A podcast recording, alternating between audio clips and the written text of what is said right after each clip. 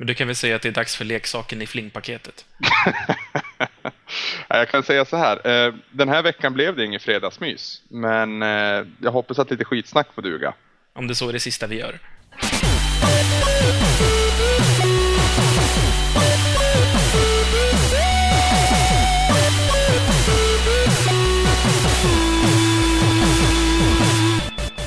Precis. Välkomna till det tredje avsnittet av skitsnack. Eh, ska vi se, november, december, januari. Ja, precis. Ja, precis.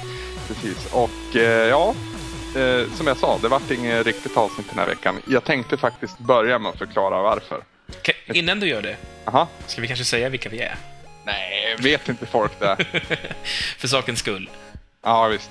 Eh, Anders Brunlöv heter jag, eh, bosatt i Borås och eh, 27 år gammal. Och jag heter Samson Wiklund, bosatt i Malmö och ett år äldre. Ett år äldre. Oj, oj. Det är närmare 30 Samson. Du, jag räknar inte så. Jag räknar att jag är närmare 50 än noll. det är jobbigt. ja, just. Fast det, är- ja, det är det ju. Mm. Det är jobbigt att tänka på det Ja, snart är jag närmare 60 än noll också. Det är också en jobbig tanke. För 60, det är riktigt gammalt. Ja, eh, Retresans avsnitt om, ehm, vad heter det nu? Jumping Flash vart ju förskjutet en vecka. Eh, och jag tänkte att jag skulle förklara varför. Just det. Eh, den här veckan, eh, som den har sett ut, så är jag ledig endast en dag och det var igår, torsdag. Och jag fick dessutom jobba över både tisdagen och onsdagen och därav så beslöt jag att skjuta på inspelningstiden från onsdag kväll till torsdag förmiddag.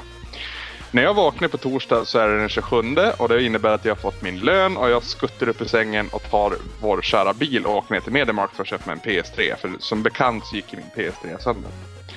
Och när jag glatt bankar ut från Mediamarkt sätter mig i bilen och ska köra därifrån, då vill inte min bil fungera istället.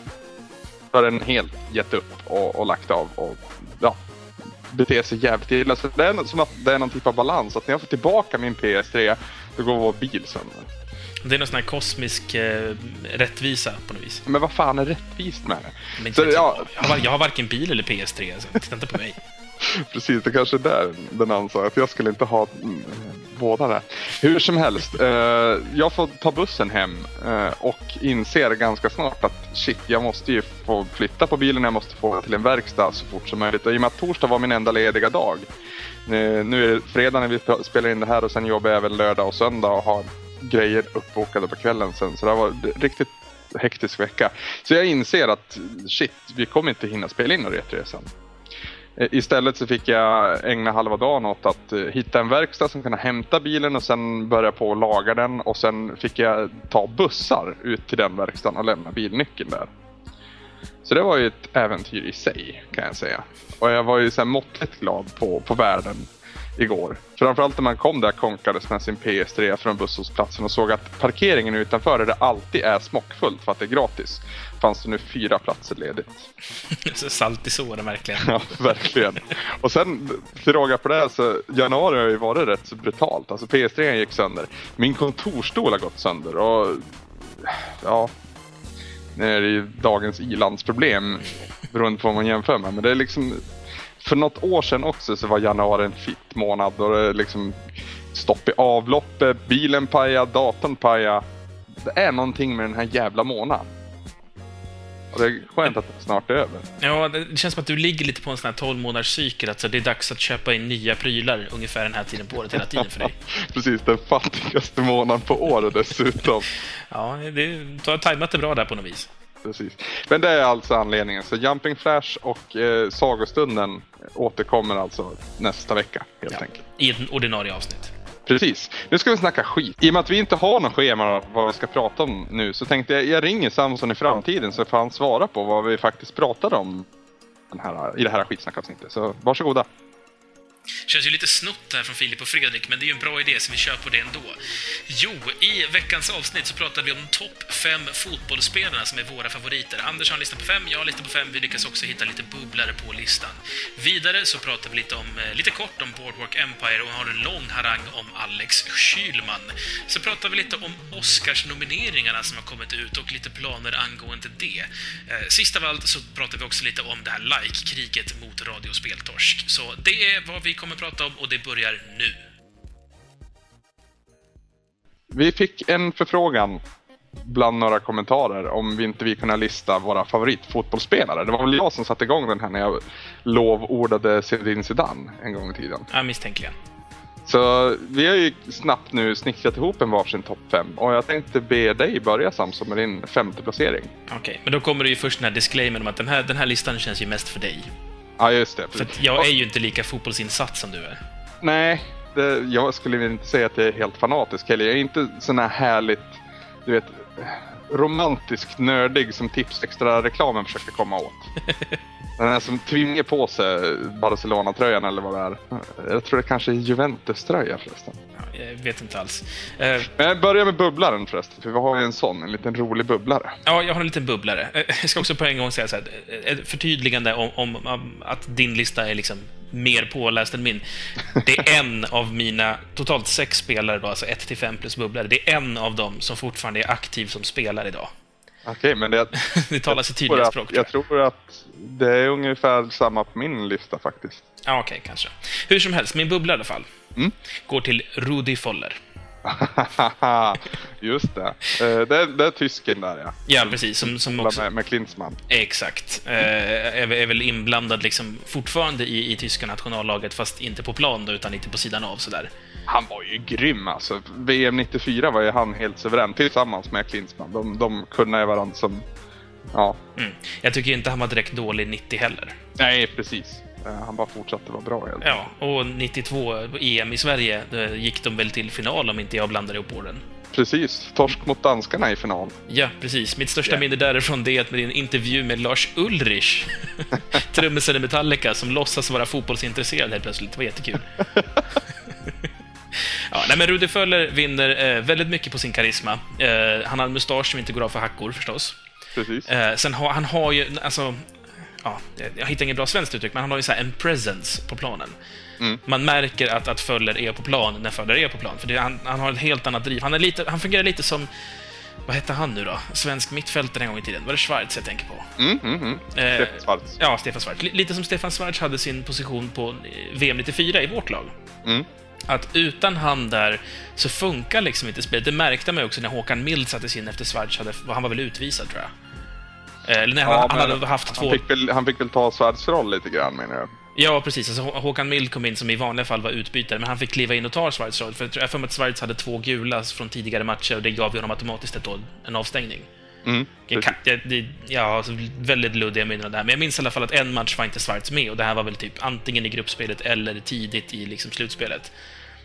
Eh, Håkan... Ja, men Schwarz vart utvisad mot VM 94 brukar jag kunna memorera, men det kan vara att han hade två gula från gruppspelet i första, mot åttondelen mot... Eh... Till Saudiarabien, du det? Ja, precis. Sydafrikanskt lag, höll jag på att säga. Men ja. ja det, det, är inte riktigt ett Sydafri eller sydafrikanskt lag, men ja, det är ja. nära. Hur, kör som i alla fall. Eh, jag tycker att Rudi Föller i alla fall fyller samma funktion i Tyskland, som också då var ett gigantlag. Alltså, de är inte dåliga nu, men då var de verkligen bland liksom topp eh, ja, top två, topp tre i världen. Um, och, och, det väger ganska tungt liksom då att vara Rudi Föller som axlar, inte hela laget, men mycket av lagets liksom, kampvilja ligger på Rudis axlar. Och det tycker jag han skötte med bravur. Precis. Eh, mig veterligen är, också, är han också hyfsat skandalfri, vilket är extremt ovanligt, speciellt bland tyskarna. Ja, han gillar väl att dricka bärs, det är väl det enda. Det är väl ja, enda egentligen. ja, precis. Det gör honom mer folk, folklig snarare. Men det var liksom ja. inte några kokainstripshärvor. Nej. Direkt. Och han var det... inte en varmduschare heller som Klinsmann. Nej. Det var, det, för folk som inte vet vad det handlar om så var det väl en jättedispyt internt i det tyska landslaget någonstans där kring, var det 98 kanske, om att just Klinsmann var en varmduschare, alltså väldigt bögig då, för en riktig man duschar ju kallt. Jag tror 98-2000 där någonstans har jag för mig. Det var en annan tid, kan man väl i alla fall förklara. Men det är min bubblare. Långt du pratade om din bubbla. Nu känner jag att jag måste prata lika eh, inspirerat om varenda kille. Det vet jag inte om jag kan riktigt. Ja, det, det, är nog mest bara för att jag är förtjust i Föller och hans mustasch. Men, men äh, har du också en bubblare eller har du en femteplats? Nej, jag, jag har också en bubblare och min bubblare går ju till en spelare som som man var tvungen att älska när man var ett litet barn. Eh, och det är faktiskt en svensk och det är faktiskt en målvakt och han heter faktiskt Thomas Ravelli. eh, och det, det, går ju också tillbaka till VM 94 och han blev ju kung i och med, i och med det mästerskapet. Och ju längre det gick desto bättre blev han. Och, alltså, som I ärlighetens namn så blev han ju kung i och med matchen mot eh, Rumänien. Jo, jo, men han var inte dålig mot Brasilien heller och mot Bulgarien när han höll på att trixa och snuva Stoichkov var det väl eh, i Bulgarien mot, eh, från skytteligasegern. För han hade ju delat den med, med två andra tror jag det var. Den här ryssen Salenko och sen eh, Romario måste det varit va? Mm, det var ju, ja, just det. Romario var, var deras starke man, Brasilien då. Ja, precis. Han var den här tåspetsen som alltid fanns på rätt ställe. Nej, Stoichkov ville ju naturligtvis vinna skytteligan i alla fall och ta hem bronsen, men han fick ju inget där för var väldigt storspelad och liksom trixade och var riktigt sen. Han, han var ju någonstans där på, på gränsen mellan clown och superstjärna. uh, och sen främsta anledningen till att jag började hålla på IFK Göteborg, vilket jag fortfarande gör idag. Så jag tyckte han, han förtjänade min bubblare plats. Mm. Eh, men det är ju som du säger, fantastiska straffräddningarna mot Rumänien. Eh, och sen, ja, han, han, var bra genom hela turneringen egentligen. Han gjorde väl någon blunder där i första matchen, Kamerun-matchen. Jag minns eh, 1-2 målet var han väl ute lite för sent. Jag tycker väl generellt att, jag, alltså Ravelli, nu pratar vi mycket VM 94, för det är det mm. där jag har mest minne. Jag kollar inte på Allsvenskan.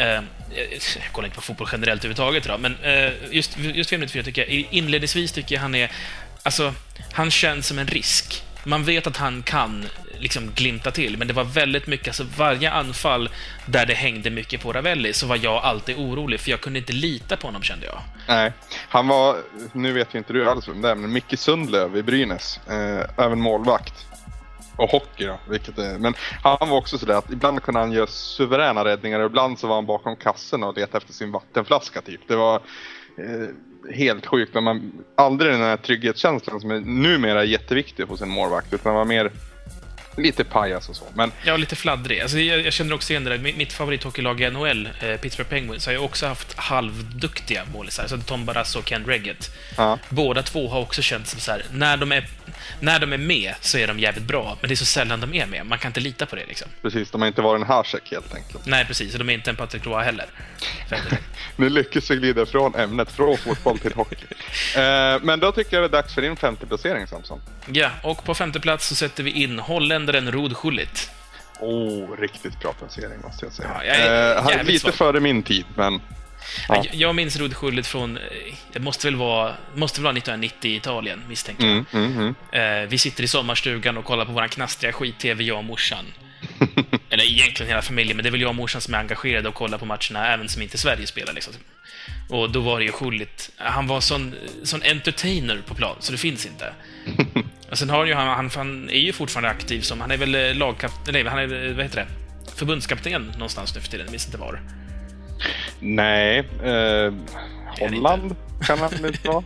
det, det, kan ju vara så enkelt, men eh, jag tyckte i alla fall att han var väldigt underhållande och eh, det var också här jag minns att jag, jag minns inte vem det var som var, var kommentator på, på någon annan match när de spelade, men det var där jag fick lära mig varför Holland har orangea tröjor när det inte finns orange på deras flagga. Mm -hmm. Det var en stor dag för mig. Ja, det vill jag ta del av det. Det är inte så jävla spännande. Alltså, orange eh, är färgen för ett, ett, ett hertigdöme som, som existerade inuti Nederländerna. Okej. Okay. Eh, och det är därför som, som allting som är holländskt liksom har orange. Det är också därför vi har orangea morötter, har jag fått lära mig. Eh, för att morötter från början är inte uteslutande orange, utan de, det, det, finns orangea morötter. Sen finns det egentligen alltså, som vanliga betafärger, att de är lite sådär gulaktiga. Mm. Som vanliga betor är. Men, men eh, i Holland då selektivt odlade man fram så att de, de här orangea morötterna blev starkare. Mest för att man ville ha liksom, samma färg som för hertigdömet. ja, du ser. Ja, så det, ja, jag misstänker att det är något liknande inblandat i tulpanerna också, men det, och träskorna. Men, men jag vet i alla fall att det är därför de har orange tröjor. Att det är egentligen hertigdömets lag som sen har blivit nationallag. Det är väl en liknande historia också i Italien med de blå tröjorna. Mm -hmm. För där är också, du vet, de har ju bara grönt och rött och vitt. Men Precis. de är blåa i VM av någon anledning. Liksom. Mm. Eller vita. Men, eh, ja, men... Ja. Precis. Eh, Rudd alltså? Ja, precis. Jag sätter Rudd på femteplatsen. Om jag säger Galatasaray och Rumänien och VM 94, vad säger du då? Mm, det måste vara han som jag aldrig kommer ihåg vad han heter. Det, det, han har ett sånt namn, så när jag hör det så bara, ja ah, just det, det är det som låter lite som Bingo. Georgi Hadji. Ja, det är Hadji jag tänker på, men Ja, okej. i min hjärna så är det Bingo någonstans i det där. Men, Ja, men han, han var väl den stora i, i deras lag där, minns jag. Ja, alltså satan vilken jävla målskytt alltså. Och han gjorde väl ett, och nu minns jag inte riktigt för det är Sveriges match man kommer ihåg i första hand. Men åter till VM 94 så har jag för mig att han gjorde ett sånt här mål från 40 meter eller någonting sånt där han bara bankade på den segla in i mål. Mm. Det där måste jag kolla upp sen. Eh, men eh, jag, jag minns att det, det var en hatkärlek till Hadji. Framförallt också i och med att vi mötte Rumänien i, i kvartsfinalen där. Men så här i efterhand, eh, många år i efterhand, så, så har man ju lärt sig älska honom allt mer. Och, och sen också minns jag han i Galatasaray då, där han var kungen. Och, och han som gjorde mål på allt liksom.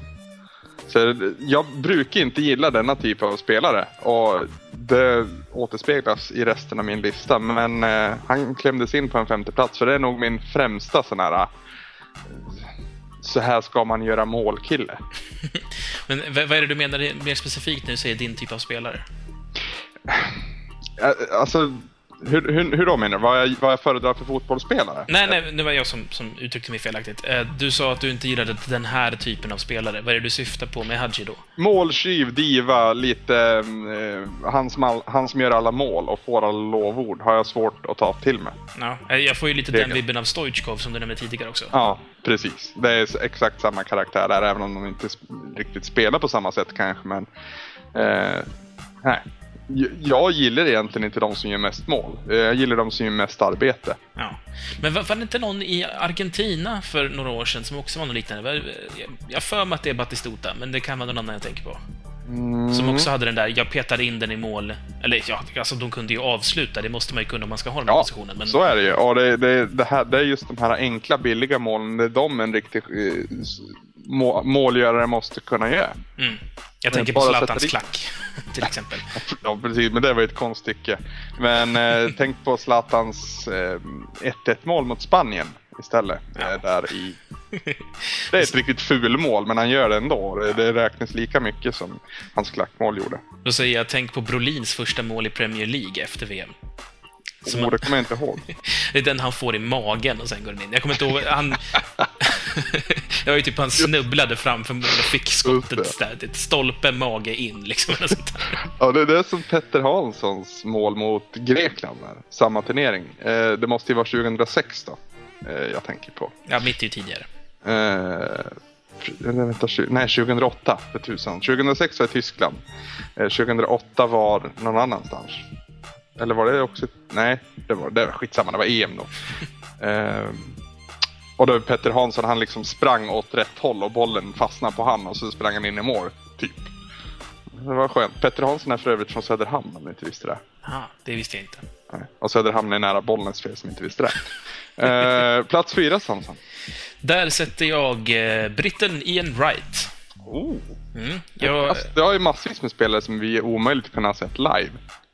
eh, ja, fast Ian Wright såg ju jag när han spelade i Arsenal. Alltså, okej, jag såg ju inte honom, jag satt ju inte i publiken, men jag har ju sett Nej. matcher med dem liksom. Nej, i och för sig, ja. Ian Wright sätter jag väl där bara för att han var en sån jävla skytt. Ja, Alltså visst, han kunde ju dribbla och han kunde passa och sådär, men han var ju inte... Jag, jag såg honom aldrig... Nu, alltså, en fotbollsvetare tycker säkert att jag typ svär i kyrkan. Men jag, jag såg honom aldrig som liksom en, en sån här speluppläggskille, utan han var ju mer en duktig eh, avslutare och han löpte ordentligt. Han var ju snabb sin i helvete, minns jag. mm. Eh, och sen så, han är lite extra så... Han gjorde ju reklam för Stryktipset en gång i tiden. jag, jag misstänkte att du skulle komma tillbaka till det också. Jo, ja. men det är ju så jävla hysteriskt rolig reklam. Det är någon sån här speakerröst som så här This is Ian Wright. He has won bla bla bla eh, Premier League eh, typ cups and he has won... Och så pratar de om alla liksom vinster han har och allt så här. Så bara, But he has never gotten 13 rätt on stryktipset. och det är, så här, det är så här, hela grejen också så här inzoomning på honom hur han så här, typ gör massa coola, snygga saker. Och sen så får man se liksom hur han våndas, vaknar upp mitt i natten och bara Stryktipset! What the fuck is Stryktipset? Det är, det är ett fint minne av Ian Wright. Men så, ja, han var en fantastisk spelare, mycket karisma och jag tyckte att det var han som var Arsenal på den här tiden. Mm. Det är väl också 90-talet vi är ute på någonstans. ja, tidigt va? Ja, ganska stelt. Det är ju då jag minns. Jag minns ju inte innan. Men, men eh, Arsenal var också mitt favoritlag i Premier League. Eller det är väl fortfarande det, tror jag. Uh. Det kommer märkas vilket mitt favoritlag är kan jag säga. För eh, jag tror de tre nästa spelarna har spelat i, i, i mitt lag ja. i Premier League. Eh, min fjärde plats. Mm. Eh, Ryan, eller, evighetsmaskinen Ryan Giggs. Manchester United framförallt och även i landslag. Nej men du, han, spe, han är ju för fan... Är inte han irländare eller någonting sånt där? Det kan han säkert vara. Nej, han, han, eller, nej. Jag minns bara hans namn så här, ropas upp när jag spelar Fifa och då är det ju med klubblagen. Så att... Ja, det, det, det, det, är exakt samma kille som för 10 år sedan eller för 15 år sedan. Han har ju spelat i all evighet, han är ju fortfarande grym. Och här kommer ju ett lite genomgående tema för, för mina favoritspelare sen. De är oftast mittfältare och de gör jävligt mycket jobb som, som kanske inte... Ja, de förtjänar mer cred än vad de har fått lite grann. Jag älskar Ryan Giggs enkla sätt att spela och det här kampen och hjärtat går före briljanta tekniken och egoismen. På något vis. Och sen är det, han är ja, helt suverän. Nej, fan, jag, det sura är att jag inte kommer ihåg vilket land han kommer ifrån. Jag för mig att det är från, från brittiska, jo men det är från brittiska öarna, inte Ryan Giggs. Han är inte australiensare. Nej. det, det vet vi ju, han är inte amerikan heller. Däremot, åh oh, gud, det hade varit en perfekt bubblare. Viduka från Australien. Han älskade jag. Eh, mycket för att jag spelade som australiensare nu backar vi bandet här, men eh, fo fotbollsspelet till VM 94, till Playstation, spelade vi under VM 90, nej, 98 menar jag. Mm. Eh, och då fick jag alltid spela med kassalag om jag skulle spela mot farsan och han var typ Holland eller Frankrike jämt. Och jag var eh, Australien då, som var typ rankad sist. Och då hade de en stjärnspelare som var Viduka och det, det var, han, han, gjorde alla mål. det, det, ikoniskt minne. Eh, Ryan Giggs, eh, evighetsmaskinen i Manchester United som är mitt. Alltså Manchester United ligger närmast hjärta. Det är såklart, du är ju en sån. Såklart, jag, jag är ju en sån. um, vet inte vad man ska säga med en hårt arbetande mittfältare som aldrig ger upp. En, en riktig evighetsmaskin och fantastiskt spelsinne. Han är väl lite som eh, Ingesson fast med lite resultat också. Ja, inte bara tjurskallighet. lite gärna innanför pannbenet. Nej, nu ska jag inte tycka illa om Ingesson här, för jag gillar den typen av spelare. Ja, det, det har du gjort tydligt. Ja. ja, så det är min fjärde plats. Eh, vem har du på tredje? På min tredje plats så, det här är väl, alltså för de som är lite yngre än vad vi är, så tror jag det här är det första namnet som man bara, aha, okej, okay, han. Och det är ju Ronaldinho. Mm, mm. Eh. Världens bästa dribblare, eller världens genom tidernas bästa dribblare måste vi nog utnämna till. Jag, jag kommer komma till den diskussionen lite senare också. Ja. Eh, men Ronaldinho skulle jag säga är en eh, fantastisk spelare, en fantastisk tekniskt skicklig spelare och inte bara i vad han kan göra privat med bollen. Eh, utan också i hur, hur han kan liksom lägga passen som... Alltså han, han är lite som... Eh, minns du den här intervjun med Wayne Gretzky när han sitter eh, med, som barn och typ ritar vart pucken är hela tiden? Mm, mm. Du, du, vet vad jag pratar om? Mm. Det, han, han, sitter med ett kollegieblock och så kollar han på en NHL-match, han har ritat upp rinken och så har han en penna i handen. Han tittar bara på isen och så liksom drar han eh, linjer på var pucken är hela tiden. Så till slut har han liksom bara massa kladd överallt. Mm. Och så frågar typ någon honom så här, men var, varför gör du det där? Och så, så bara, jag kollar vart någonstans på isen som pucken är minst. Det är där jag ska vara. Mm. Eh, lite det tänket känns som att det finns i Ronaldinho. Fast det känns inte som att han har behövt anstränga sig heller. Det har liksom bara kommit naturligt till honom på något vis. Det ser så lätt ut när han gör det och man bara, det där kan jag också, men det kan man ju Men han, han, han är född fotbollsspelare precis som Gretzky var född hockeyspelare. Liksom. Ja, och han har fula tänder, som alla bra fotbollsspelare ska ha. ja, alltså nu måste jag nog ta tillbaka mitt, eh, mitt uttryck här också. För jag, alltså Ronaldo, Cristiano Ronaldo måste ju vara världens bästa dribbler, kommer jag på. Han ligger också bra till. Det finns ju flera också som har varit fantastiska dribblare genom tiden. Men Ronaldinho tycker jag, han kan mer än bara dribbla ja, också. Jag ser han, han, är ju mer en, han är mer en allmän tekniker. Han kan ju dribbla fantastiskt och snyggt. Mm. Eh, men han kan också liksom, jag minns så här, hur mycket han vann bara på att han tog emot bollen på ett tillslag. Mm. Det var liksom inte så här, du vet, ja, mage, foten, springa. Utan det var liksom direkt en brassenedtagning och så var han, liksom, han var redan iväg innan de andra ens hade reagerat på att bollen hade liksom tagits av någon. Mm. Och det, det vinner han så mycket på liksom. han var nog den bästa kombinationen av en brasiliansk spelstil och en typ eh, sydeuropeisk. Typ Spanien, Portugal där någonstans. Så den här äh, lattjo-tekniken kombinerat med den här tekniska briljansen på något vis. Mm. Ja, han, han spelar väl i Milan mestadels. Eller? Eh, Jag minns faktiskt inte. Jag har så himla För dålig koll på. svart fundering har jag för mig att han... Jag har inte haft jättekoll på han faktiskt. Jag är, ja, jag är färgad säkert- för att jag gillar Premier League mycket, mycket mer än någon annan liga i Europa. Jag gillar ju spanska och italienska ligan mest. Mm. Det gör de flesta tror jag. Eller alltså, framförallt spanska. Det jag gillar med Premier League den är att det är mycket jämnare. Eh, än, än vad framförallt spanska. Där det har liksom fem lag som, som slåss hela tiden. I och för sig så är det väl mycket så i, i Premier League också. Men det är ändå jämnare ner mellan botten och toppen där än vad det är i Spanien till exempel. Jo, fast samtidigt så du, du, det finns ju många lag som aldrig kommer... Alltså, å andra sidan, ska man inte säga om spanska, men du har ju så här lag som... Ja, vad heter de? Eh, nu försöker jag komma på vad den där södra delstaten heter. Costa del Sol-området. De har ju också ett lag som finns liksom i spanska, vad det nu heter, Serie A, Liga A eller vad det nu heter, La Liga, Mm, whatever. Eh, så, som aldrig någonsin vinner någonting, men som ändå Mm. alltid är med. Liksom. Så det är klart att det finns de här eh, klassklyftorna mellan de olika lagen, men det tycker jag finns överallt. Mm, men jag tycker att klyftan är mindre i Premier League. Det är det som är min lilla poäng där. Att Fast jag tycker inte det. Jag tycker, jag tycker att visst, det, det är fler folk i den övre delen av klyftan, men det är fortfarande en rejäl klyfta ner till... Alltså, istället för 5 plus 7 så har du kanske 8 plus 4, men det är fortfarande en klyfta mellan den där 8 och den där 4. Mm. Eh, då frågar man vart vi ska slänga in, slänga in Liverpool i år. Liverpool är långt ner i tabellen nu har jag för mig. Jag hänger inte med längre, så det lämnar jag helt till dig. Eh, det var din trea. Ja. Eh, min trea är en mittback.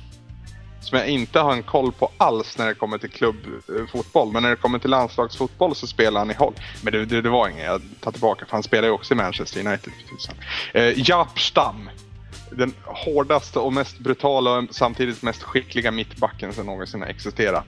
Är säkert en lögn, men vad jag har sett i alla fall.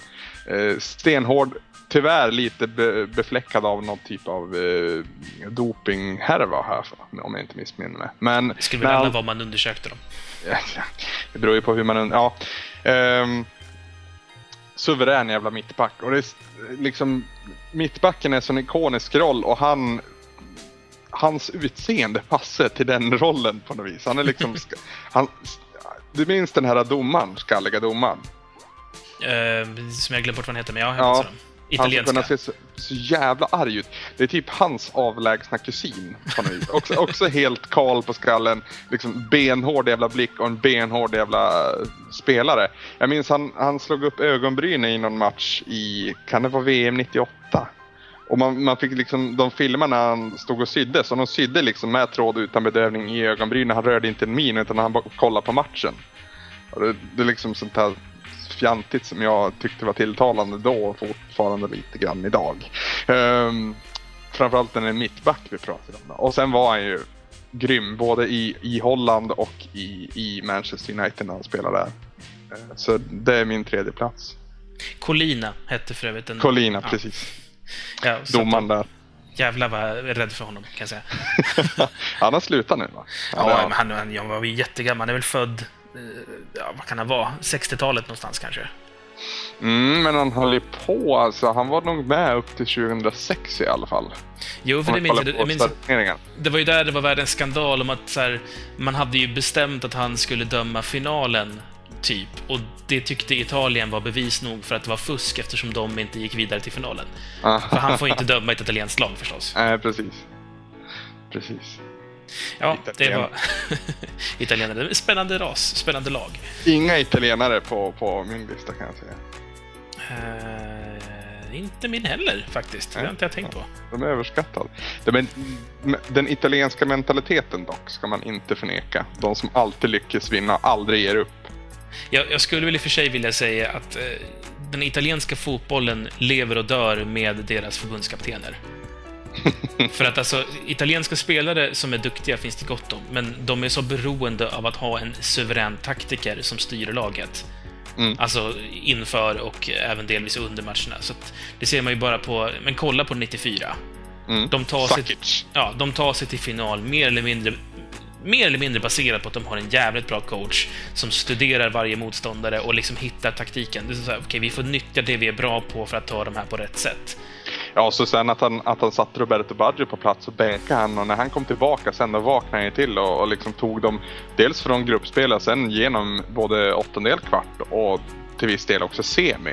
Mm. Så det, det, liksom, det var ju nyckelspelaren som behövde komma igång han behövde få den här liksom han behövde bli dragen i örat lite grann. Det Bortskämd jävla miljardär som... Ja. Ja. Som, som också snuvade dem på bucklan när han missar mål med ganska mycket.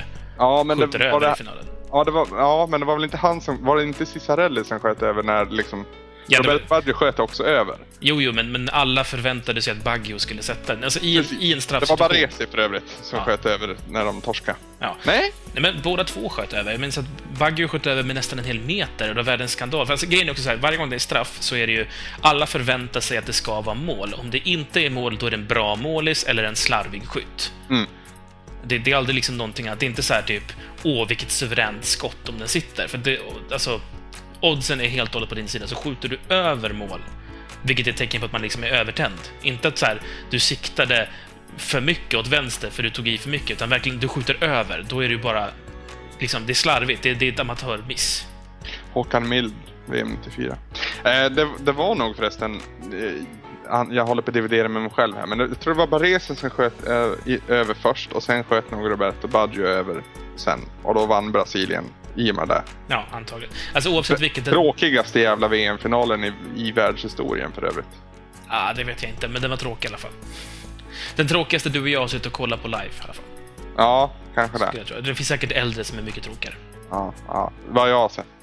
Eh, du ska ta din tvåa va? Jajamän. Ja, varsågod. Där har vi Maradona. Såklart. Och det är ju inte den tjocka, eh, pinsamma Maradona jag tänker på nu, utan nu är det ju Maradona innan VM 94, innan knarkskandalerna. Alltså han var ju sta- stadig då också. Måste Ja, vi... fast det var ju sista refrängen, det märkte vi ju alla. Han var ju tjock när han började liksom. ja. Han hade ju gått ner i vikt med hjälp av preparat, ja. vilket han också blev dömd för, samma VM. Mm. Eh, Men, men Maradona i sin briljans, alltså jag minns att jag kollade på så här videos med Mar- Maradona också, så att jag och mamma, som har liksom fotbollsintresset i familjen, vi har ju följt Maradona väldigt pliktskyldigt, för att det är ju liksom, det är vår spelare på något vis. Mm. Eh, Och han är för mig synonymt med fotboll. Nu tyvärr också synonymt med massa andra tråkigheter, men, men det har liksom alltid varit Maradona på något vis. Och jag tycker att han är, alltså, vi pratar om det här med att Ronaldinho skulle vara den mest tekniskt skickliga spelaren någonsin. Mm, jag vet inte om jag sa det direkt. Ja, men Du, du sa någonting om bästa dribblare, whatever. Men Ja. han, han, är i alla fall där och, och tampas liksom i, de högre trakterna. Jag vill hävda att Maradona också är det, men där får man också dra den här liksom, halv... Eh, förklarande texten, liksom den här lilla pre-talken om att fotboll när Maradona var aktiv och fotboll idag är ju väldigt olika. Så spelet har ju utvecklats något enormt. Precis. Alltså Maradona i sin prime, sett honom i vilket liksom, eh, ja, vad heter det, Champions League-lag idag och han kommer inte vara en toppspelare som han en gång i tiden var. Däremot kan han ju, har han ju också bevisa, kan han ju vara en väldigt karismatisk eh, coach. Jo, jo, och, och publik, han, han är ju typ, han leder ju klacken så fort Argentina spelar. Precis. Ja, eh, han var ju... Jag undrar om det var medvetet eller om det var hans, hans ego där. Men han drog ju mycket fokus från sina storstjärnor i Argentina nu senast, 2010. Eh, just för att han var på det sättet han var. Eh, och gjorde de uttalanden och slängde fingret i ansiktet på folk. Och, Men han är ju också, han är ju lite av en bad boy. Alltså han representerar på något vis Argentina som det här ganska ruffa laget som, som pekar finger mycket. ja, Och, och i och med att liksom, han tar sig på sig den rollen, att så här, det är jag som pekar fingret, så behöver inte spelarna känna att de måste, på något vis. mm, Eh, och, och jag tycker att han, alltså, man kan säga vad man vill om Card, men han bidrar med mycket till fotbollen. mm, Eh, En del negativt, men mestadels positivt. Och hans insatser på plan själv har ju varit magnifika. Alltså den mannen har ju dribblat sönder saker. Det det jag skulle komma till förut också, det var att för sin tid, så är, alltså i den fotbollen som spelades när han var aktiv, så hans tekniska skills, tänk dig att Maradona växer upp idag med den talangen han liksom naturligt drar på sig under sin uppväxt och han sätts in i ett professionellt klubblag och får tränas med modern fotboll, så tror jag att han åtminstone skulle kunna ge en match till Ronaldinho och company. Ja, men när det kommer till bad boy-attityd Mm. så har han ingenting på min plats nummer två. Får jag gissa vem det är bara se på det? Ja. Jag känner att det måste ju vara Cantona du tänker på. Jajamän! Erik Cantona, kragen och, och ja, fy fan vilken jävla bad boy. Ja. Eh, Blev men väl, sam- han blev väl också som absolut mest världskänd när han sparkade en kille i publiken. Ja, precis. Det är han, hans eh, svårkontrollerade temperament kan man väl kalla det. Eh, även här en, en mittfältare, eller ja, folk vet ju vilken jag har på plats nummer ett. Och även här en fransos. Eh, även här en Manchester United-spelare, men ja, vilken fältstrateg liksom. Och vi- vilken jävla karisma. Mm. Alltså satan i gatan. Eh, Var det han som började med att fälla upp kragen inför varje liksom, straff och, och sånt? Ja, det var, ju, det var ju hans grej. Jag tror inte någon har apat efter det, för det känns gjort redan i så fall. Det är Cantonas grej. Eh, den här upp, uppvikta kragen och, och, så. Eh, jag skulle väl inte säga att han är den bäst, eller mest skickliga genom tiderna.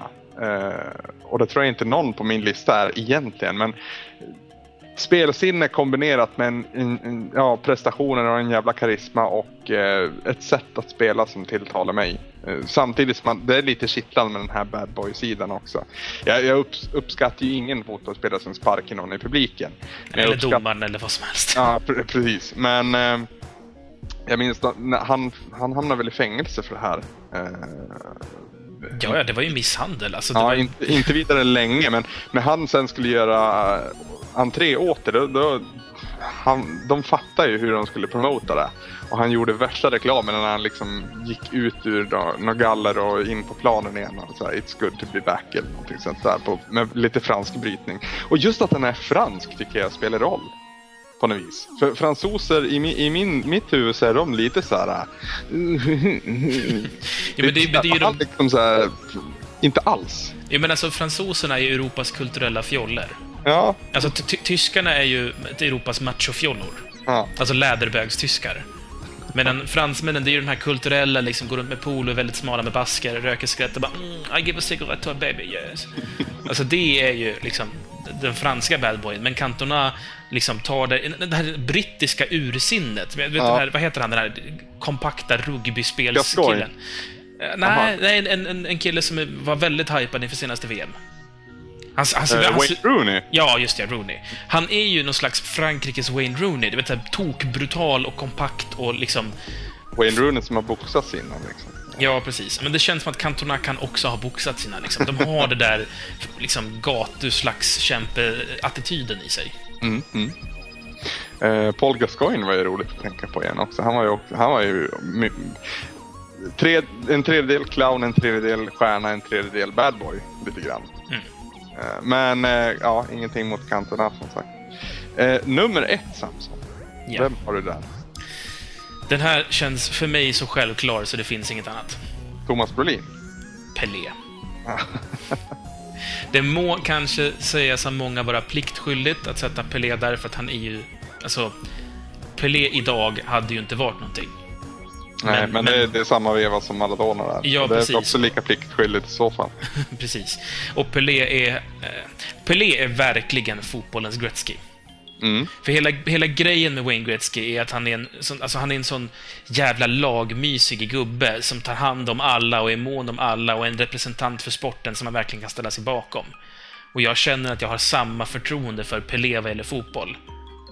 Ärligt talat. Okej. Eh, Det finns säkert liksom en massa skandaler som jag väljer att glömma bort och liknande, men Pelé känns som en sån... Han är en sån representant för fotbollen. Alltså, om man, när man om 2000 år har glömt bort vad fotboll är och slår upp ett fotbolls... Liksom så här, slår upp vad en fotbollsspelare är för någonting, så kommer det vara en bild på Pelé. Mm.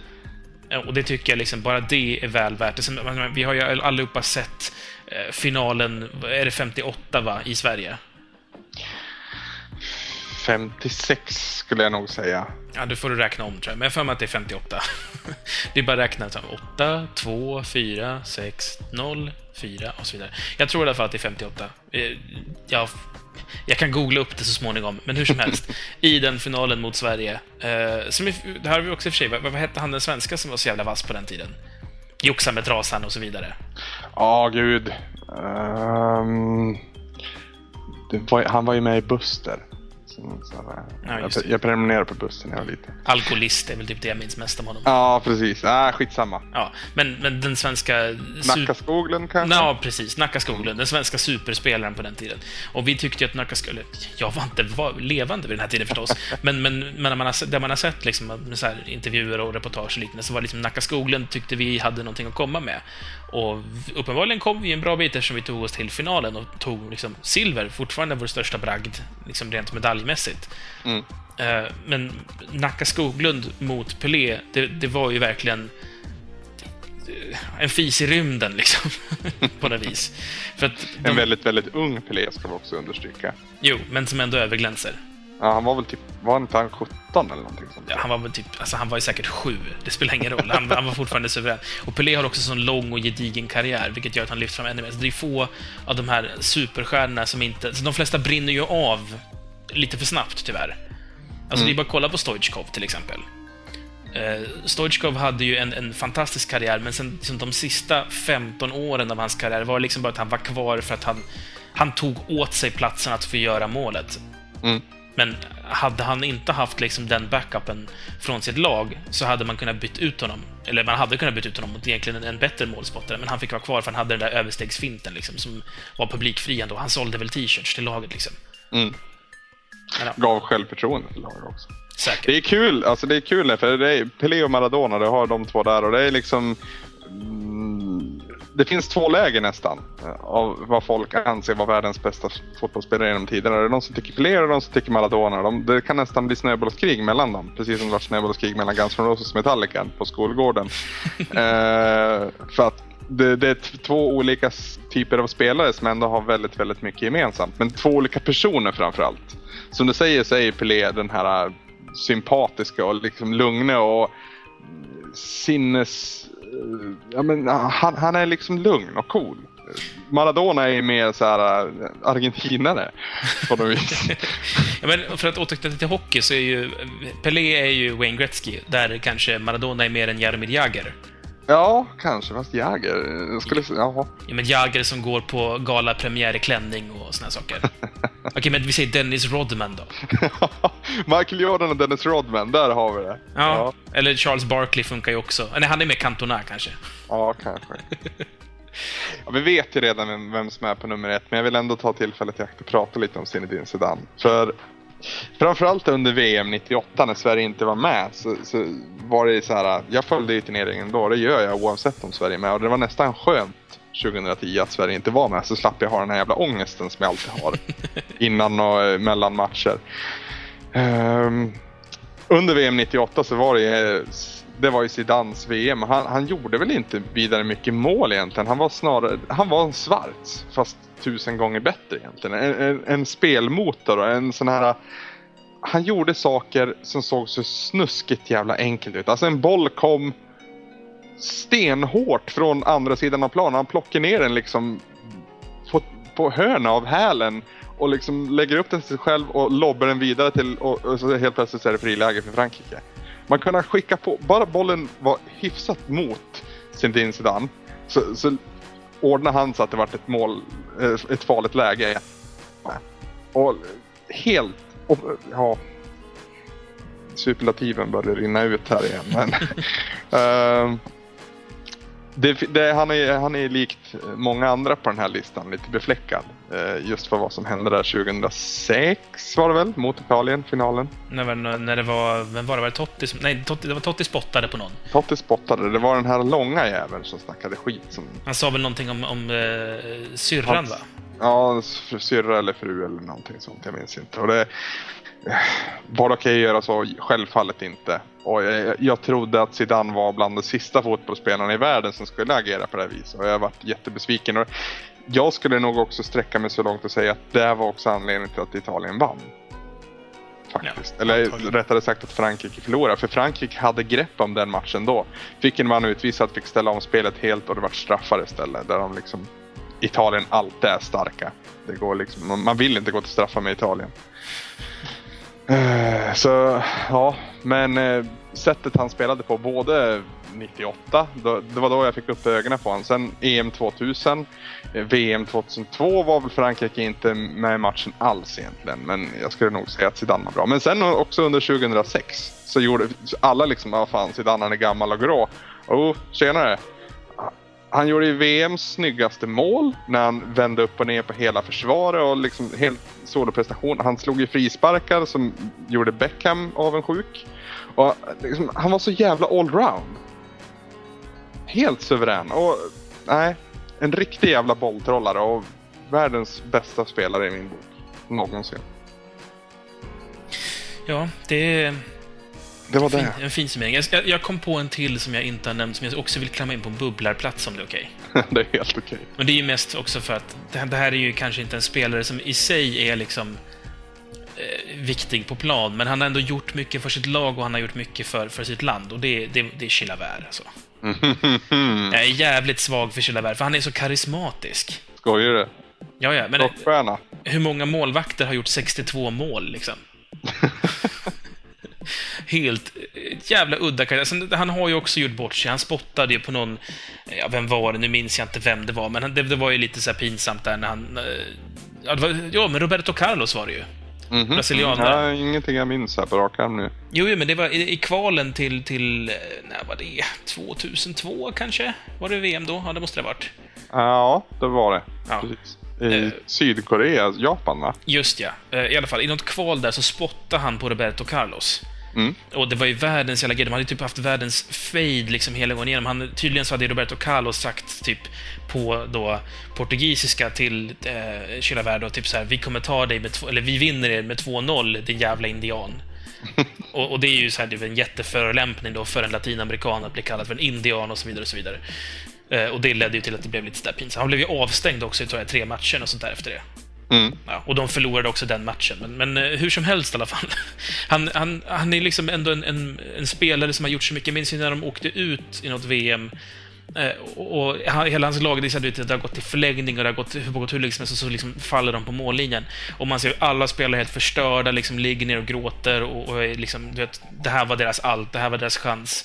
Och, och Chilavert går liksom runt och lyfter dem upp en och en, liksom så här, tar upp laget och ser till att de har fortfarande lagen. Det, så det finns något vackert i det där. Visst gör det det? Så att han, han får ju vara med, inte kanske för sin prestation som spelare, men som sin prestation för, för sitt lag. Och för sitt land. Jag menar, han vägrade ju ställa upp i, i den här kuppen de har i, i, alltså den amerikanska kuppen, där de kör, alltså som EM fast i Amerika. Mm. Eh, 99 så vägrade han ställa upp i det, eh, för att han tyckte att Paraguay behövde lägga pengar på, på utbildning för ungdomar. Istället Jag är för också att... rockstjärna. Äh, det kanske inte är rockstjärna per se, men det är liksom... det- It takes balls. Ja, precis. Men, men han är ju också, han har ju för mig varit så synonymt med Paraguay. Alltså Paraguay är en spelare och det är han på något vis. ja. Ja, men det, det, jag vill ha med José Luis Felix Chilavert González, som han heter. Har du timer på inspelningen förresten, Samson? Eh, Eh, ja, var inte det vi som sa en timme max på de här avsnitten? Ja, vi är uppe i 47 minuter än så länge, så det är Okej, lugnt. ja, jag, ser bara själva Skype-samtalet och den är över timmen nu. Men eh, vi ska prata om vissa små saker här. Jag vet du vill prata om en, en svensk bloggare och författare. Ja, det här, det här grundar ju sig i en eh, pytte, pytteliten Twitter-diskussion du och jag fick upp. ja, Eh, som grundar sig att jag kommer hem, jag slår på min TV med en stor kopp te och säger att nu ska jag kolla på Skavlan, för jag gillar Skavlan väldigt mycket. Och där sitter... Gud vad svensk du är när du gillar Skavlan Samson. Ja, men han är jävligt bra. Jag har ingenting emot att gilla saker som är populära. Det är någonting du har fått för dig. Ska vara så. Ja, det, det, jag trodde det var en öm punkt, men eh, jag vet inte om du mörker nu eller om du, om du svär inombords. Nej, Jag skulle inte säga att Skavlan är superproffs egentligen. Han, han, han är en jävla slätare. Han slätar ut en massa skit. grejen med Skavlan är att hela, hela Skavlans jobb, det här är så någon som Filip och Fredrik har sagt som jag bara upprepar, hela Skavlans jobb är att han är jävligt bra på att sitta och nicka instämmande. Mm. För det, hela Skavlans grej är att han får de som kommer dit att känna sig, eller åtminstone får oss tittare att tro att de känner sig så här hemma och lugna och trygga och kan prata. Alltså jag tycker ju Skavlan är en stor jävla reklampelare egentligen. Men det är intressant när intressanta gäster kommer dit. Ja, det är väl, alltså, grejen med Skavlan är att han har lyckats få jävligt bra gäster och det gör det Ja. automatiskt programmet bra, oavsett Han har vilket. fan haft Jay-Z hos sig liksom. Det, det, det är nästan som att ha Obama på besök skulle jag jämföra. Ja, men ja, eh, kändismässigt kanske. Ja. Hur som i alla fall, jag slår på Skavlan och vem sitter där om inte ett av mina absoluta hatobjekt i Sverige? Alex Schulman. Eh, då vill jag höra först vad det är som du så innerligt hatar med Alex Schulman. Mm. Det, det hela börjar egentligen långt tidigare, men jag, jag ska dra liksom i stora drag vad, vad anledningarna bakom. Ja. Eh, under 90-talet så skapades mediapersonligheten i Sverige. Ja. Mycket tack vare eh, ja, Puls, som den hette då, alltså Fredagsbilagan i någon av kvällstidningarna. Som var betydligt bättre än Klick för övrigt. Ja, ja alltså, nu, nu är det ju någon slags typ så här modeskvaller, tjohejsan med Sofie Farman och vad hon den andra heter. Se och hör Ghost Blondinbella typ. Ja, och vi har den här andra tjejen som påstår att hon är arbetarklass för hennes föräldrar var läkare och det är ju ett jobb. Så de har ju också arbetat liksom. Ja, du ser. Eh, hur Ja. som i alla fall, innan det så var det liksom, det, var lite mer som Nöjesguiden, ganska creddig tidning med så här, du vet, ja men det var alla de här eh, Per Bjurman och, hela det där gänget, eh, Strage och, och vad heter hon nu, Linda Skugge, liksom hela den här elitkretsen, de här eh, 70-talisterna som liksom var jävligt creddiga och trendiga och som bestämde vad som var coolt, för in och utelistor och såna här saker som kom. Mm. Allt det föddes då. Mm. Och det var ju också de som Killinggänget gjorde mycket narr över och, och såna här saker. Vart går Virtanen in i den här klicken? Är han lite, han är lite på, mellan två stolar där känns det som. Alltså, han faller ju ändå in i den här, liksom, ja, mediagruppen. 70-talist-mediagruppen. Hur som helst i alla fall, tiden går och de här blir bara äldre och äldre och blir sämre och sämre på det de ska vara där för, det vill säga ha den här kollen och vara creddiga. Så då blir någon slags här sorgliga 30-plussare som sitter och tror att de har världens cred när de inte har det längre. Och det, de lever liksom på det. Som, som, men ta Linda Skugge till exempel. Jag har läst ganska mycket Linda Skugge och det finns många poänger hon har. Jag, hon har skrivit mycket saker som är så här, shit, fan vad den här kvinnan är värdefull. Inte lös, full. Och sen så sekunden efter så är det någonting som man bara, men vad fan. Jävla, liksom, ja, jag orkar inte mer här. Och, eh, hela den här grejen tillhör då Alex Schulman. Schulman. Och det som, bara det tycker jag är negativt nog. Jag har lite samma problem när jag ser till exempel Virtanen, han hade ju någon talkshow på, var det sjuan eller någon av de här, sexan kanske, någon av de här låtsaskanalerna som finns.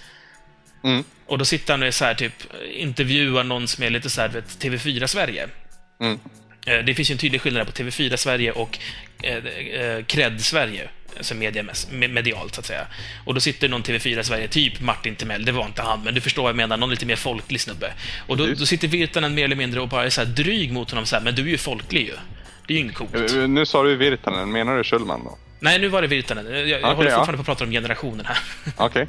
Eh, Och det jag tycker jag går igenom med allt. Det är samma sak när vi hade, eh, vad heter han som är så rolig i Parlamentet, den unga killen? Eh, Gustafsson någonting. Björn Gustafsson. Björn Gustafsson är med i det här radioprogrammet som, som Josefin Crawford är, har. Ja, eh, ja, Ah, skitsamma värdelöst det. Ja, hur som helst i alla fall. Josephine Josefin Crawford försöker liksom få det till så här, men du som är så kreddig och du som är så rolig på riktigt, varför gör du något som är så töntigt som Parlamentet? Liksom, så här, var, var, eh, varför säljer du dig själv till Parlamentet? Nu är inte jag något fan av Parlamentet heller, men, han, men Björn Gustafsson liksom är helt iskall. Vad är det för fel med att göra Parlamentet? Jag tycker det är kul att vara där, eh, jag är uppskattad där. Jag menar, jag kan väl, jag, jag lyckas ju liksom dra mina skämt där också. Jag måste ju inte stå på någon kreddig indie ståuppscen och typ åka runt och turnera med någon så här föreläsning slash ståuppgrej, typ som Schyffert. Alltså, det, det går ju alldeles utmärkt att faktiskt vara med i parlamentet, bara man fortfarande är rolig. Mm. Och, och det, tyckte, det kunde inte hon fatta, för, liksom, för det är inte tillräckligt credit att göra liksom, ett folkligt program på TV4. Då är man inte tillräckligt cool. Eh, Jag skulle vilja frågasätta hur pass cool hon är också som har gått från värdelös TV till värdelös radio på väg bort ut i tomma intet.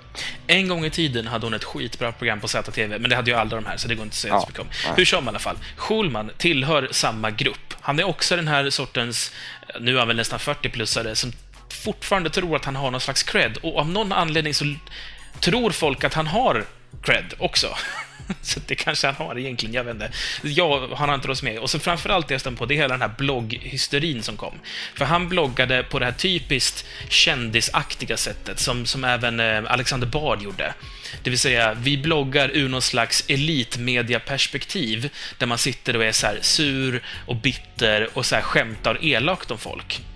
Och jag ska direkt säga att jag tycker den sortens bloggar kan vara hysteriskt roliga. Jag har själv skrivit på en sån blogg och liksom roat mig och glatt mig i liksom elakheten i det man säger och det att aldrig behöva ta ansvar för det man gör på sätt och vis. Men, men när det väl kommer till kritan och någon ställer det mot väggen, då ska man stå för att jag sa det där och man ska kunna backa det med någonting. Eh, Typexemplet är ju hur jag låter när vi podcastar. Alltså, jag slänger ju ut långfingrar, så uppkäftiga snorunge-kommentarer som egentligen är helt meningslösa. Men när jag väl ställdes mot väggen om varför tycker du sådär, så tycker i alla fall jag att jag kan backa upp det och säga jo, men jag tycker det för att och liksom stå för att jag sa det. När Schulman blir ställd mot väggen, då säger han bloggen tog över mitt liv. Det blev som en bloggpersonlighet. Det var inte riktigt jag. Men vad fan, stå för att du har sagt det du har sagt. Tycker du att den här människan är en jävla idiot som har sagt det här i den här intervjun, stå för att du tycker det. Var inte någon, någon jävla fegis som bara sa nej, det var inte jag. Bloggen tog över. Det blev som en karaktär jag spelade. Det var du! Försök inte ljuga bort det. Det var du. Du är lika bitter och liten och töntig. Uh, till vem är det han säger? Uh, det var inte jag, det var bloggen som tog över. Det, det gjorde han. Han gjorde någon så här ursäktsintervju som han säkert skrev själv också för den delen, i någon kvällstidning där det var liksom så här Schulman om eh, eh, typ fallet från Grace eller vad som helst, där han pratade om att det, det, var så liksom. För att på något vis typ kunna backa tillbaka, för han hade ju bränt så jävla många broar. Alltså, Schulmans blogg eh, är väl ingenting jag har följt eh, jätteaktivt. Däremot har jag en sambo som har gjort det under de närmsta mm, ett och ett halvt åren kanske, uppskattningsvis. Um, jag tyckte ju om hans sätt att blogga på det här eh, anal analytiska, men eh, ja, det här är inne Sverige, det här är liksom kändis Sverige och han hade en ena foten inne lite grann på att göra ingenting, på att blogga. Mm. Um, Sen om han ber om ursäkt och så, inte fan vet jag varför han gör det eller om han ens behöver göra det. det, det jag kan inte hela den historien så jag har ingenting att säga om det här. Det jag tycker om med Schulman dock, för, ja, en annan sak innan jag går in på det. Han hör ju inte hemma i TV heller. Nej, gud nej. Han, han, han, han, har, han har, han har ett ansikte gjort för radio, helt enkelt. Ja, eller för en blogg. jag vet inte vad. Men eh, i och med att Emily är så pass inne på han och hans sätt att skriva så har jag också fått höra mycket och läst mycket och liksom kolla vad han skrev där och vad bra det var. Och han har det här i alla fall det jag har sett så har han ett sätt att skriva där han inte gör sig märkvärdig över saker. Där han faktiskt liksom skriver om pinsamheter som en sån här äh, person som du beskriver, en sån här äh, jag är creddig och jag är halvkänd, inte skulle göra. Äh, vet, det är ett som har etsat sig fast i, i minnet. När han, han och Henrik Schyffert har ju någon typ av dispyt mellan varandra. De avskyr varandra. Har de? Gud vad jag ja. gillar Schyffert mer. och ingen av dem kan liksom konkret säga vad det är. Utan de, de, de bara klickar inte. Och Schulman beskriver då i ett inlägg hur han är på någon jävla tv-hus eller på någon, på någon, ja, i något hus i Stockholm och ser att han kommer möta Schyffert i korridoren. Och det han gör då, då det som många av oss har gjort att han tar upp sin telefon och låtsas svara och går och pratar då för att slippa liksom konfrontera Schyffert. Och problemet är ju givetvis att det ringer medan Schyffert möter han i, i den här hallen. Och det är liksom det är, en, det är en kul historia, hur pass mycket sanningsenligt det finns där i, det vet jag inte. Men att han ändå skriver det på sin blogg, det liksom vinner cred hos mig lite grann. För att han, han vågar vara den här klanten och den här lite pinsamma och han är egentligen inte kändis och jag tycker det märks i hans sätt att skriva också. Och sen... Ja, förlåt, jag låter dig prata punkt. Mm, och sen så har han ju också, förutom att blogga, så har han ju faktiskt skrivit två böcker. Nu har inte jag läst hans första bok eh, som handlar om, som han skrev i samband med att hans pappa gick bort vad jag förstod. Eh, som var lite mer eh, djupdykande när det kommer till känslor han skriver inga fantastiska texter utan han skriver på ett extremt roligt sätt istället. Eh, för nu refererar jag framförallt till hans andra bok som släpptes bara för någon, någon dag sedan. Och som, där var det så mysigt för Emily har läst den högt för mig när jag ska sova. En konstig grej som, som vi fick för oss. Men Emily köpte hem den där. Du visst fick den signerad också va? Ja. Uh, och eh, då kunde inte hon låta bli att läsa så då låg jag där och bara kan inte läsa lite och så vart det hela boken innan färdigt. Det var inte så här jättelångt så. Eh, Och det är liksom inte briljant på något sätt på, ur ett akademiskt perspektiv om man nu ska använda det ordet. Men eh, han skriver på sånt här kittlande i, med en igenkänningsfaktor som är skyhög. Och öppenhjärtigt, eh, han, han, han vågar ställa sig själv som en idiot och som ett, som ett pucko, en person som aldrig liksom är riktigt bekväm i den han är eller det han gör. Jag tycker det kan finnas en, en lite cred där. Alltså, han har säkert... Jag har inte följt karln sen jag gav upp på honom när jag tyckte han var skittråkig. Men det, det jag kan tänka mig det är att det här är en reaktion mot att han gjorde bort sig så att han insåg att nej, men nu måste jag satsa på att göra. Alltså, det, det liksom all cred till honom om han har förändrat sig och numera försöker låtsas vara någonting annat än att vara den här bitterfittan som han innerst inne egentligen är, enligt mig. Ja, fast samtidigt måste man komma ihåg åt vilken tidning han bloggade och, och skaffade rubriker. Jo, men alltså, som sagt, man får vara bitter bloggare som, som gör sig roliga liksom på andras bekostnad och som så här rubrikhorar och så vidare. Kolla på Filip och Fredrik, de är samma sak. Men Filip och Fredrik backar aldrig på det de har sagt. Alltså, lyssna på deras den här skitsnackspodcasten. De dissar ju till höger och vänster, men blir de ställda mot väggen så, så, så backar de inte. De är liksom så här, ja, men jag tycker så. Mm. Och visst, man kan ju tycka att de är så här lismande mot kändis, eh, liksom och liknande, men jag tycker ändå Schulman är snäppet värre. Och han känns falsk. Jag, jag, kan tänka mig att den här boken säkert är läsvärd. Och uppenbarligen tycker både du och Emelie det. För mig tror jag att när jag, när jag läs, om jag läser den här, så kommer jag säkert, det är nog mitt eget jävla fel, men jag kommer säkert att tänka Fan vad du ljuger bara för att du ska vinna lite vinst. Alltså som den här mobiltelefonssituationen med Schyffert. Den är ju påhittad. Det, det tror jag inte ett dugg på att det där hände. Det, det, är liksom, det där skriver han för att han ska här, kunna berätta en drömlig historia så att man ska gilla honom. Mm. Jo, men ändå, även om den är sann eller inte. Jag menar, jag, jag tycker det gick emot den, den bilden som han hade och den bilden som du uppenbarligen har, han som dissar allt. För jag, jag, jag har aldrig tyckt att Schulman var en som dissar allt. Däremot så dissade han extra hårt mot det han inte gillade. Eh, och sen om man inte backade upp det, visst, jag, jag, kan inte den historien som sagt så jag kan inte ta in det i diskussionen men eh, nej, jag gillar alltså jag avgudar den inte, det är Emelies bord där. Eh, men, vi, vi är har... ganska oense, både hon, eller hon och jag är ganska oense om, om, många andra också, så det är väl inte så konstigt att vi tycker olika. Precis, och du har ju en bild av Schulman som jag inte tror att Emelie, jag tror du kom in på Schulman när han var den här rubriksökande personen, den här vill klättra i hierarkin Schulman. Mm. Medan Emelie kanske har sett den här, har blivit pappa Schulman, har fått en annan syn på livet Schulman. För det finns, hur med den är, jag tror inte han bara vill ändra sin bild utåt, utan jag tror också att det här är en person som faktiskt har eh, fått en annan syn på livet efter att ha blivit förälder. För det tänker jag mig själv att jag kommer få. Okej då, men jag, jag, tycker fortfarande som jag tycker och jag accepterar ja. att du inte tycker likadant såklart. Men nu vet du lite mer. Jag vill inte ta den här diskussionen på Twitter, för det är för mycket för att skriva på 140 tecken. Jag har märkt att det är värdelöst att diskutera på Twitter. Alla bara missförstår den i alla fall. Det, det är faktiskt det. Ja. Uh, även om man skickar DM. Ja. Uh, ja, och sen, är, det, sen är det tjatigt att se den här 48 tweeten om samma diskussion när man har två followers som diskuterar någonting. Ja. Och så kommer det alltid någon som kommer in och bara så här, men varför diskuterar du det här med den här personen för? Varför inte med de som är ansvariga? Bara, men för de svarade inte. Av någon anledning svarade de här, så då fortsatte vi. Ja, skitsamma. Det, jag glömmer det och lämnar det. det. det. kan man reda upp någon annan gång på tu man hand. Eh, en annan sak som jag ville bara nämna lite som hastigast. Mm. Jag har sett det första avsnittet nu av Boardwalk Empire. Mm. Okej, okay. vad tyckte du? Eh, än så länge så tummar upp. Alltså jag pratade lite här med, med flickvännen som jag såg det med. Eh, det, det, är ju alltså fantastisk miljö och, och rollbesättningen är, är helt suverän. Mm. Eh, och jag sitter ju och drömmer om att så här, varför, varför, varför levde inte jag i 20-talet? När jag ser hur vackert allting är och liksom alla snygga kostymer de har och sådär. Eh, och sen så, jag känner lite så att just nu, när jag bara sett ett enda avsnitt, mycket av serien ligger nu i händerna på att det händer saker som är intressanta, för den får inte bli tjatig. För den lever ju också väldigt mycket på att den är så snygg. Mm. Och den kommer det är lite få... Mad Men över den just där. Precis, det, precis. Ja. Det, det, är faktiskt ungefär samma karaktärisering av sin, sin, sin tid, så att säga, som, som just i Mad Men. Väldigt snott från Oddpod, för övrigt. Är det? Vad? Det jag säger? Nej, det jag sa. Jaha. likhet. Men det är det. Det är liksom, vi instämmer i det de sa.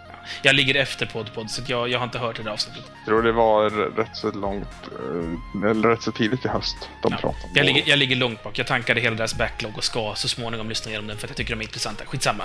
Mm. jag ville bara nämna det att jag har börjat kolla på Boardwalk Empire. Än så länge så ger den tummen upp och jag tänker fortsätta kolla åtminstone säsong ett. Och sen fortsätter det liksom eh, underhålla mig så tänker jag fortsätta kolla ännu mer också. Men började du någon gång kolla på Sons of Anarchy? Eh, jag har fått hem den, men jag har inte hunnit börja titta på den än. Okej, eh, två väldigt olika serier, eh, fast ändå rätt lika. Eh, Jag- jag har inte sett hela Boardwalk Empire, jag har sett tre avsnitt. Eh, så där ligger det, lika Dexter så här, måste jag plöja igenom snart. Dexter har väldigt mycket dalar och, och sånt, men den, den toppar ibland också. Eh, Ja. En, en annan som jag bara ska nämna, som jag, som jag, jag vet inte om du har sett den eller inte, men jag såg, jag har sett några avsnitt hittills. Det är Leverage. Nej, jag har inte sett. Eh, Leverage är en sån där... eh, Har du sett Burn Notice? Mm, nej, Oh, du, du måste se Burn Notice, den är fantastisk.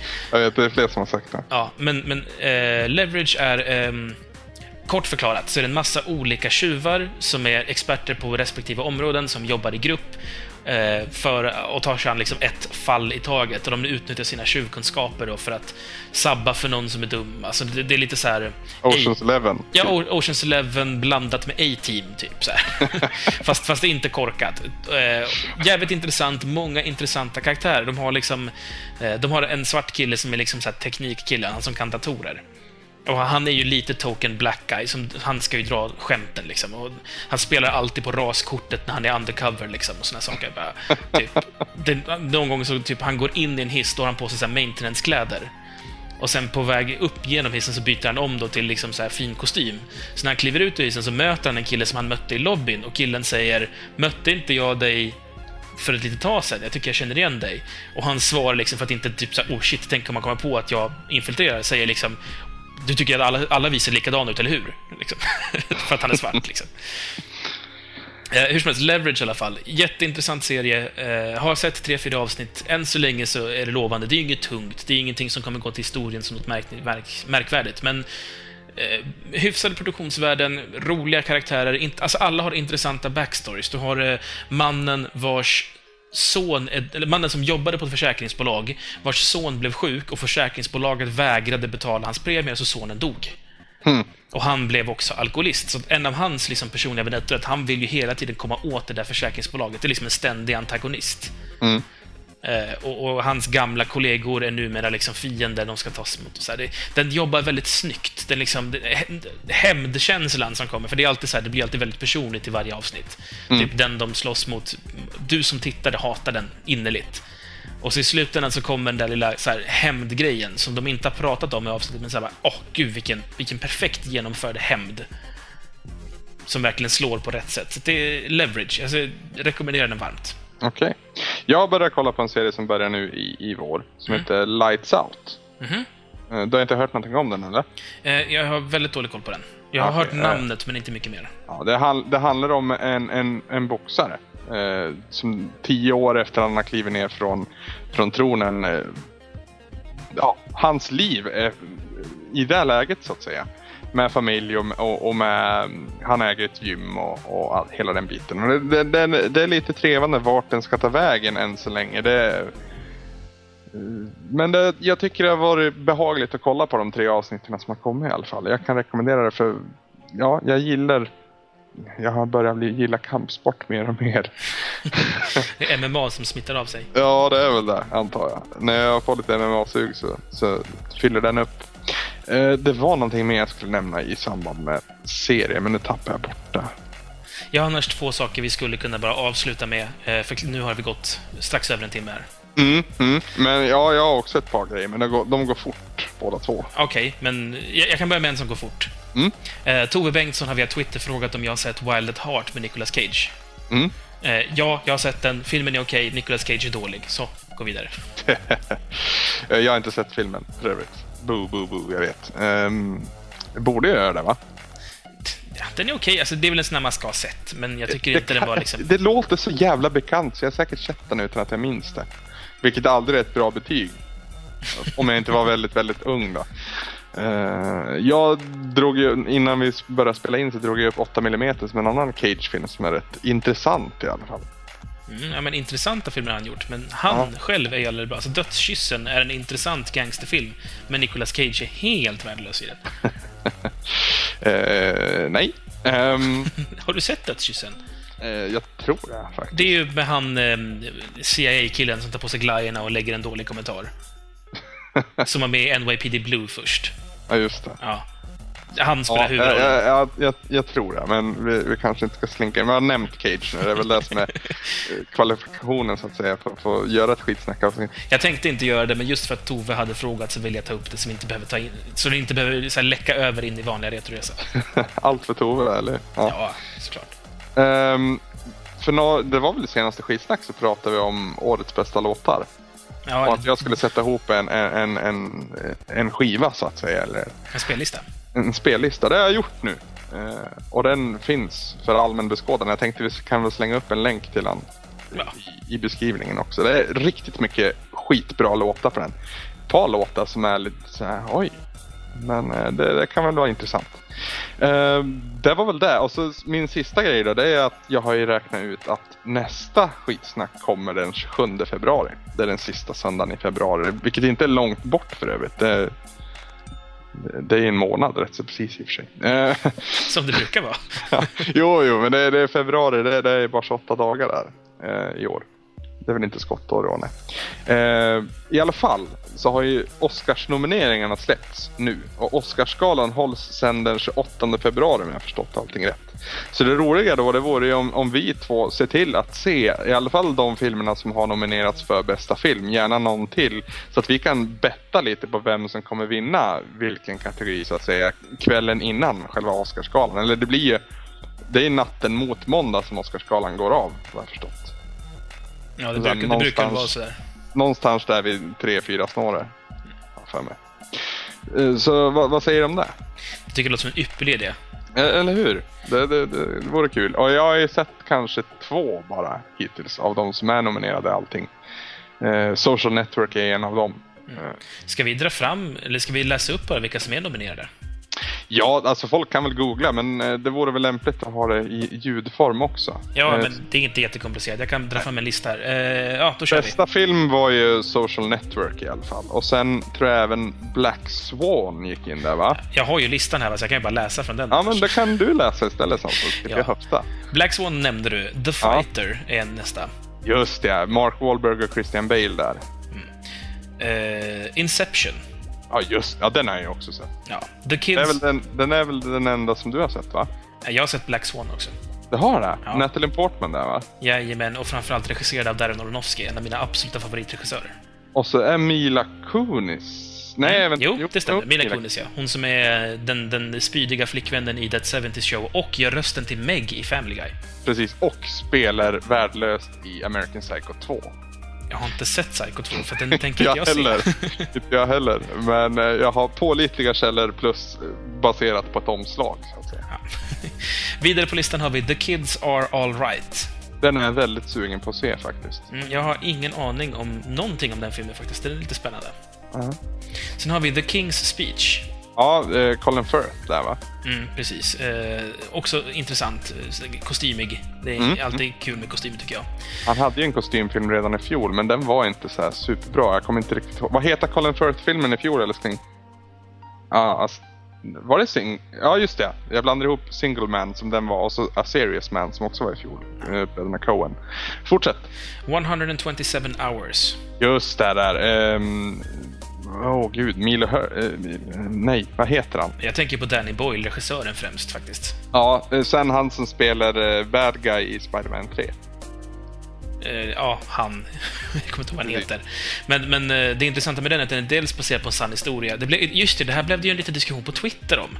Mm, James Franco heter han för övrigt. Ja, det gör han säkert. Eh, Linus 2.0 Mm. Eh, twittrade ju om den här filmen. Alltså, den är ju baserad på en sann historia som var väldigt uppmärksammad i nyheterna. Mm. Eh, om den här mannen som, som, som fastnar eh, ensam ute i vildmarken och är liksom tvungen att ta sig loss på, på ett eller annat sätt. Och, minns att det blev en, sån här, en diskussion, jag tror att det var Bella Jall faktiskt, och, och Linus, som började bråka om, om huruvida det var, liksom, krävde spoilervarning på det här eller inte. och det har vi diskuterat internt, eller internt, det låter som att jag äger han på något vis. Nej men senast jag var på besök hos Tobias så diskuterade vi det här och han, han ifrågasatte om jag visste vad den handlade om på förhand. Mm. Det jag använde som referens då, det var ju att regissören här, så Danny Boyle va? Ja, han som gjorde 28 dagar senare och Slumdog Millionaire. Har väl även gjort Trainspotting om jag inte vill minnas helt fel. Det har han säkert. Galna britten som gör coola filmer helt enkelt. Ja, Trainspotting var väl den första coola brittiska filmen sen, jag vet inte, någon Bond-film långsamt. det finns Eh. med, men de kommer sällan hit. Precis. Eh, I alla fall, han besökte Top Gear. Eh, sista avsnittet förra säsongen, första avsnittet den här säsongen, jag minns inte. Eh, och då presenterade de filmen som den här filmen då en kille sågar av sig armen. Mm. Så där tycker jag liksom riktigt visar på att det här inte ens, det här behöver ingen spoilervarning. Ja, men jag tycker att alltså, just att filmen görs baserat på att nyheten uppmärksammades. Mm. Alltså, det, det är ju inte, det är inte sjätte sinnet liksom, att det är en stor överraskning att det kommer hända. Det är snarare Titanic, båten kommer sjunka liksom. Ja, faktiskt. Ja, men alltså, har man missat nyheten så kan jag förstå att man kan uppfatta det som en spoilervarning, men jag tror inte att man ska känna att det är en spoilervarning, att man vet om det, för det, det, är, liksom, det är en av premisserna för att filmen överhuvudtaget existerar. Filmen, filmen lever och dör inte på just detta faktum, utan det finns ju andra behållningar med den uppenbarligen. Ja, jag tycker alltså, det är lite samma sak som, som Tyler Durdens eh, identitet. Den, den, den tillför förstås jättemycket första gången du ser filmen, men du kan ju se den hundra gånger till och fortfarande få en enorm behållning av filmen. Alltså- det känns inte som att filmen förstörs av det. Nej, alltså snarare andra gången man ser Fight Club är den ju kick-ass. Just Ja. att man vet om det från början. Så det, ja. Det är lite med Matrix också. Vi går vidare. Det är fyra filmer till som är nominerade. Eh, Social Network nämnde du förstås. Eh, och det är ju, Dream Team. apropå Fight Club så är det ju Brian Fincher också som har regisserat. Mm, vem har skrivit manus då? Det är också någon stor jävel. Eh, det vet jag inte, men, men sen har ju Trent Reznor gjort musiken, så det, är, det är verkligen ett supergäng som ligger Det är ett supergäng. Vad fan att inte... Ja, ja. Skådisar brukar jag kunna komma ihåg vad de heter, men just regissörer och producenter. Nej, ja, skitsamma. Ja. Också en film som jag redan har sett förut. Det har det? Ja, ja, Social Network har jag sett. Ja, vad bra. Eh, Toy Story 3. Åh, så jävla bra film. Också en film jag också redan har sett. Ja, Eh, sen har vi True Grit med bröderna Coen, eller av bröderna Coen. Den har jag också Ja. sett. ja den har inte jag sett. Det är väl Matt Damon och uh, Bad Guy Aaron 1 och Crazy Heart. Vad fan heter den? Jeff? Jeff Bridges tänker du på. Ja, precis. Exakt. Gick att blanda upp med hans bror. Som är typ likadan fast lite tjockare och med mycket buskar i ögonbryn. ja, har inte gjort lika bra filmer. Nej, men han har gjort några fina. Eh, sist ut på, på nomineringslistan är Winters Bone. Just det, den tycker jag baserat på trailern ser mest intressant ut av de jag inte har sett då. Eh, den såg jävligt cool ut. I och för sig, Black Swan såg också jävligt ball ut. Var den bra, Samson? Den är ju, alltså...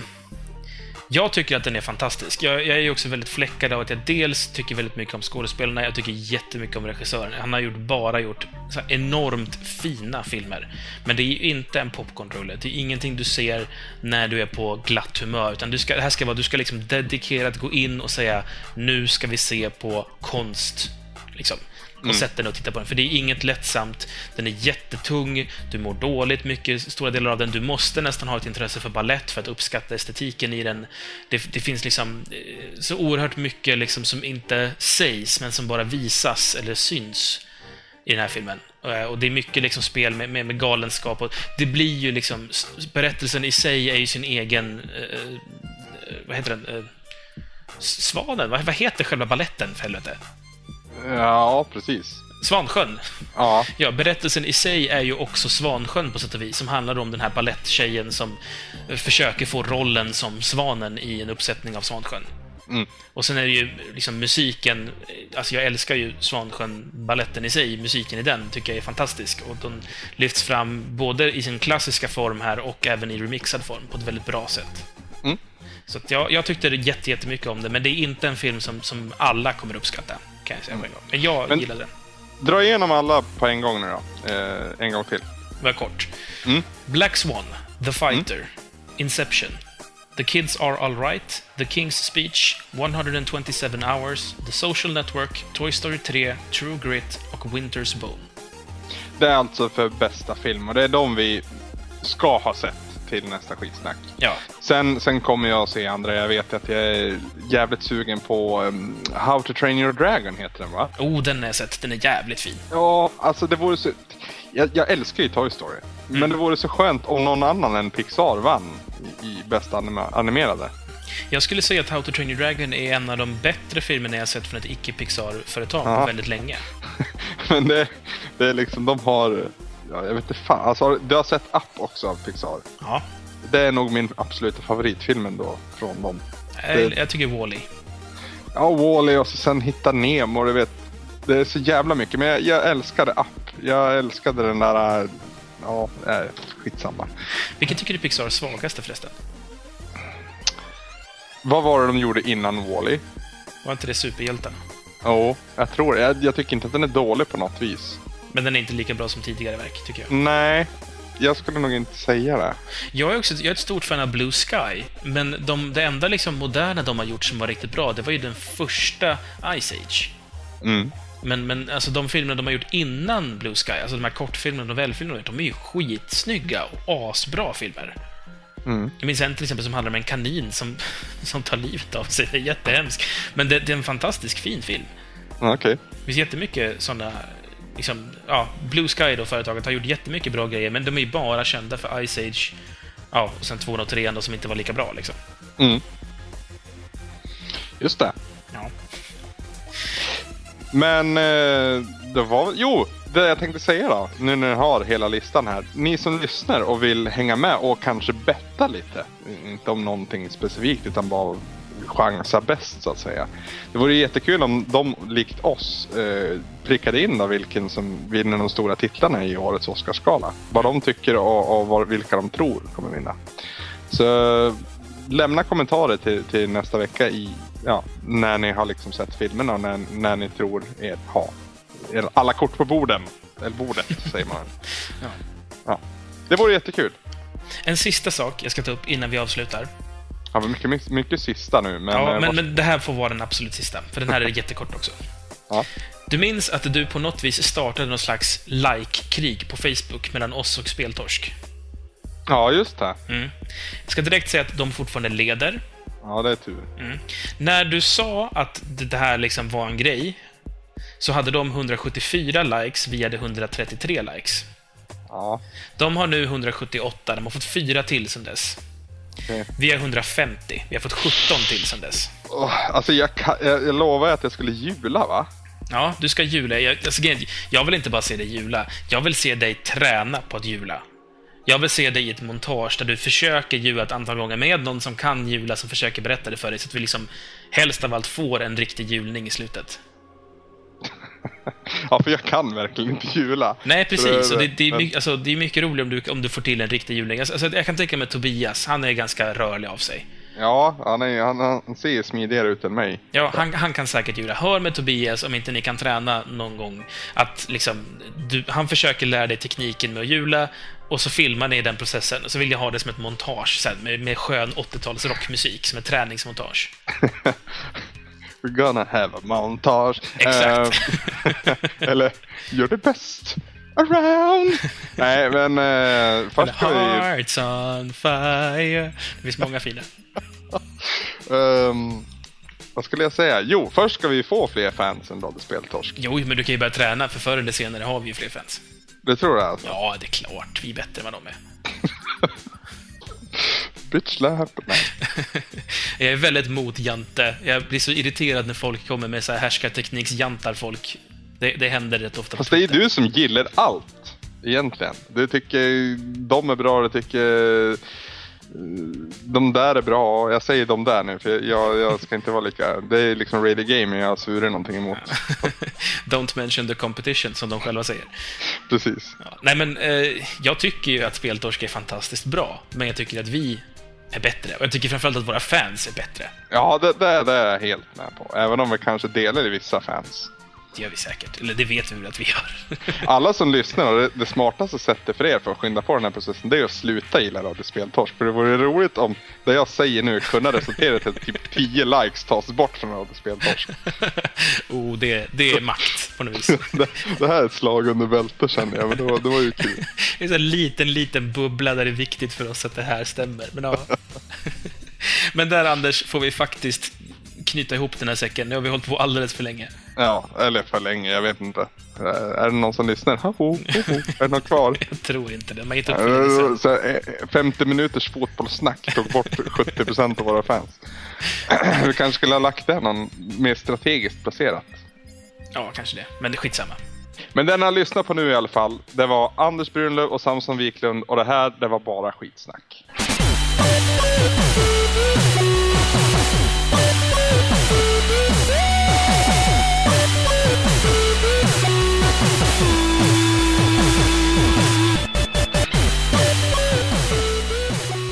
Det har hjälpt eh, Fredrik Wikingsson såg jag förresten. Ja, eller hjälpt hjälpt. Han frågade, han typ så här, är det någon som kan det här? Och jag bara, jag kan, gör så här. det är ändå, det är ändå ballt. Även om det är via Twitter. Jag har också eh, fått världens bästa ut, eller världens bästa diss av honom. Aha. Eh, det, det, var, han hade hittat, alltså för, för ganska länge sedan, flera månader sedan, så var det någon fotograf som hade hittat en massa negativ som var tagna typ sekelskiftet 1800-talet till 1900-talet, som var tagna i Ryssland. Mm. Minns du den här historien?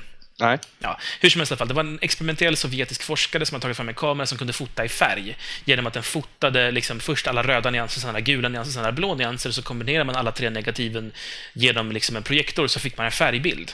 Mm. Och det var liksom häftigt och det, det gick till, slog tyvärr inte igenom. Men det är då någon modern snubbe idag som har skannat in de här och i datorn lagt ihop dem så du får skitläckra, snygga färgbilder från liksom sekelskiftet. Det såg helt enormt läckert ut. Mm. Alltså det är verkligen, det, det är foton som ser ut som de är tagna idag på hur det såg ut för mer än hundra år sedan.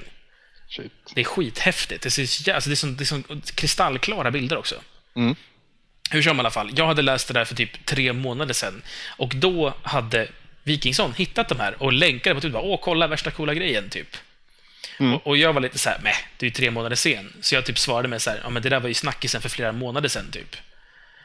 Och han svarar så jävla iskallt med ett så direct message till mig där det står Oj, du är nog coolast på hela internet. och det var det bästa sättet att få mig bara, hopp, han har så rätt i det han säger. Jag ska sluta upp med det här nu. För det, det, var, det var så, det så punkterade min ballong så jävla hårt på så snyggt sätt. Det, ja. det är credit som fan. Just att det var DM också. Han behövde inte ta cred för det själv. Liksom. Det var direkt, riktat bara till dig. Ja, så det, ju, han är ju en smartare man än vad jag är, av anledning. Liksom. Så ja. det, där fick jag mig en knäpp på nosen med all rätt. En knäpp, på, en knäpp på nosen från Fredrik Wikingsson, det är, det är inte illa pinkat. Nej.